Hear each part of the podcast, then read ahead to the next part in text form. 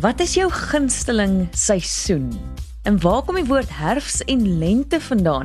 Het jy geweet dat die woord herfs en die Engelse woord harvest dieselfde oorsprong het en dat lente 'n rooms-katolieke gelowige oorsprong het? Kom ons raak liries oor die twee interessantste seisoene. Hoe nou? Met Suan Miller Maree en Gerard van Huisteen. Hoe nou word moontlik gemaak deur afrikaans.com. Jou tuiste vir alles oor Afrikaans. So, Gerard, ek weet nie of jy uh, enigstens al gedigte gelees het in jou lewe nie. Dis nogals baie boeke in jou ateljee. Weet jy van die man met die naam NP van Wyk Lou? O oh, nee, nog nooit van gehoor. die grootte NP van Wyk Lou. Prof Gerard het my herinner aan hierdie mooi gedig van hom. Die ding se naam is Vroeg Herfs. Ek wil vir jou kort stukkie voordra.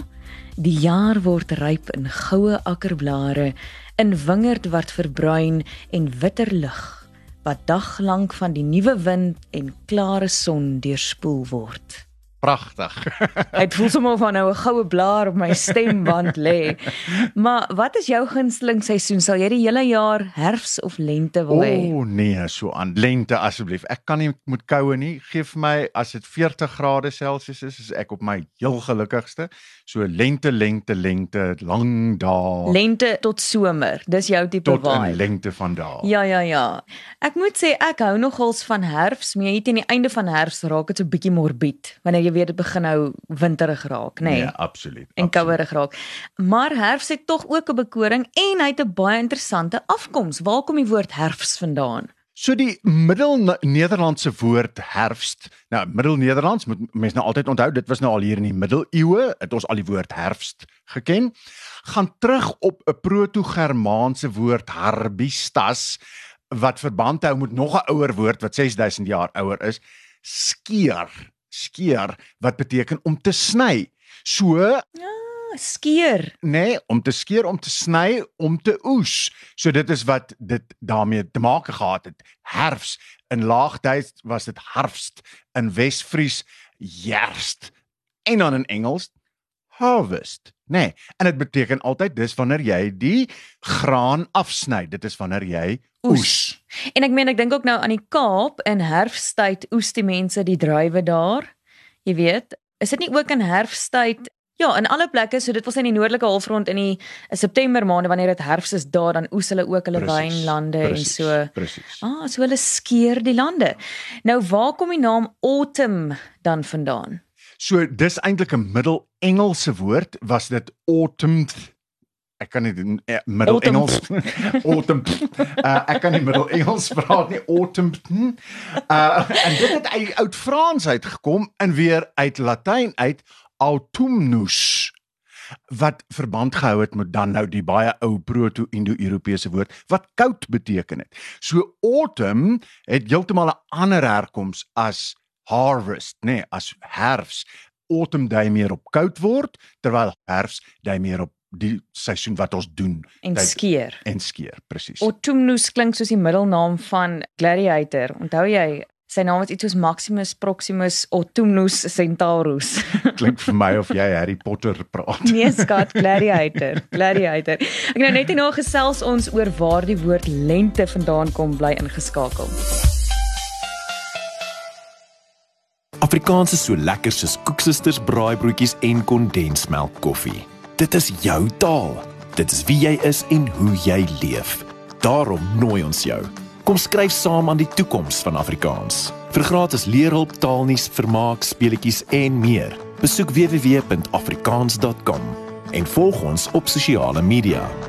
Koop dit, lees dit, praat dit, leef dit. afrikaans.com. Jou tuiste vir alles oor Afrikaans. Jy luister na Hoe nou met Gerard en Swan en Swan en Swan.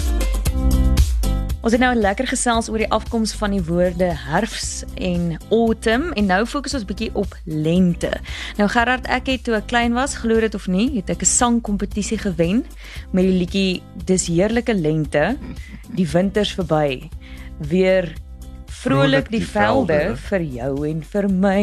Holladrio, holladrio, holladrio, holladrio. Ek kan duidelik hoor dit was in jou kinderdae wat jy die kompetisie gewen het. Ehm um, en al die veld is vrolik. Ja, sê. Sover ek weet is dit alles gewoon volkswysies Ja. en so aan.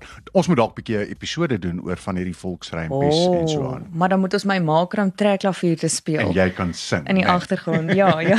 En jy gaan net per ongeluk vergeet om rekord te druk met daai episode. Maar goed, ons kyk nou na lente. Waar kom die woord lente vandaan? In die Middel-Nederlands, net soos wat ons nou net nou herfst al in Middel-Nederlands gehad het, het ons toe al lenten gehad met 'n n op die einde wat ook uit die proto-germaanse samestelling was.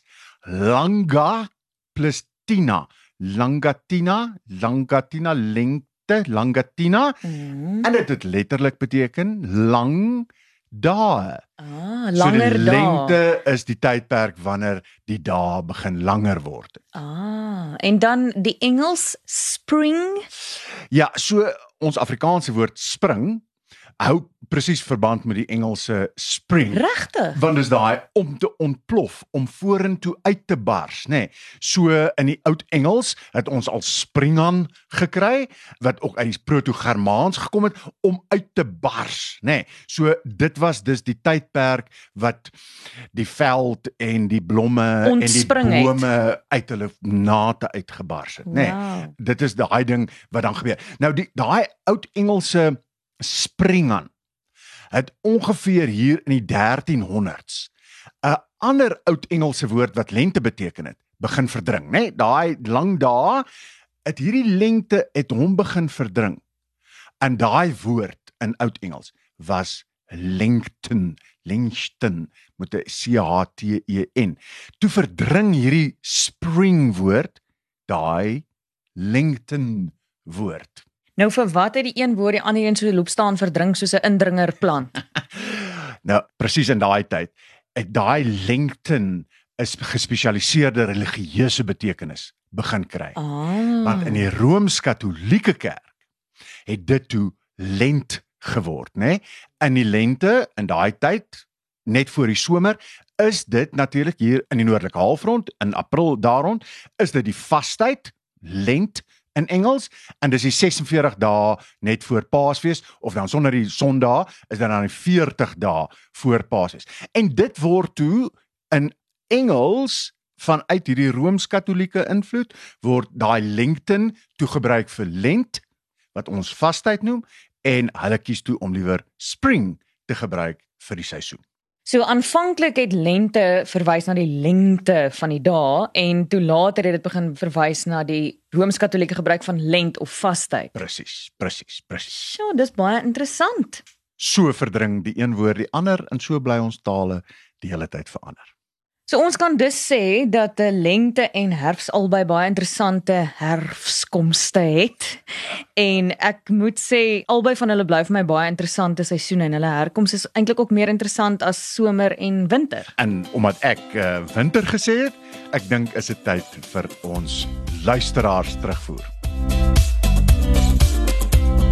En ja, is lekker om te hoor van mense wat sê hulle het ons raak geloop op Spotify. Um, ek dink dit was uh, Carol hierso gewees wat gesê is lekker om 'n bietjie 'n Afrikaanse potsending te hoor wat dieselfde gehalte of kaliber is as internasionale Engelse potsending. Stop dit, Carol. En ons is natuurlik nie net op Spotify beskikbaar nie, op Apple iPods en Google Podcasts en die hele plek en natuurlik by jou gunsteling uh, streeksradiostasie. En dan het Dirk laat weet sy gunsteling seisoen is definitief die somer en dat as jy in Suid-Afrika bly, kan dit nie regtig enige ander seisoen wees nie of dan nou die lente want dan weet jy die somer lê voor. En ehm um, is dit Mart wat gesê het, sy voel nou weer sy het nogals ervaar hoe dat winter ook lekker kan wees as jy dit vir jouself lekker inrig, nê? Nee? 'n Kaggeltjie en 'n rooi wyntjie en sulke goetertjies, dan maak dit die winter ook lekker. En baie Suid-Afrikaners verkies om 'n wit winter te hê en gaan dan bietjie Europa toe en gaan ski en al sulke tipe van goed. Daar seker 'n bekoring daarin ook. Maar gee Ja. maar vir my 'n somerkersfees. Ja, ek wil net sê my man sê altyd wil gaan skiën dan sê ek ook ek sal saam gaan, ek sal onder sit en glühwein drink en wag vir hom. Ek wil nie my bene breek op 'n heuwel. kan ek saam met jou daaronder gaan ja. sit. Sal my nou onder sit en dan neem ons 'n episode van daar af op. Nou ja, lig jou mening en gesels saam stuur vir ons gerus 'n e-pos by info@whonknow.co.za. Nou toe nou mag jou dag vol lente blomme of somersonskyn wees. Hoe nou is saamgestel en aangebied deur Suan Miller Maree en Gerard van Huisteen en word moontlik gemaak met die tegniese ondersteuning van Marula Media en die finansiële ondersteuning van afrikaans.com. Jou tuiste vir alles oor Afrikaans.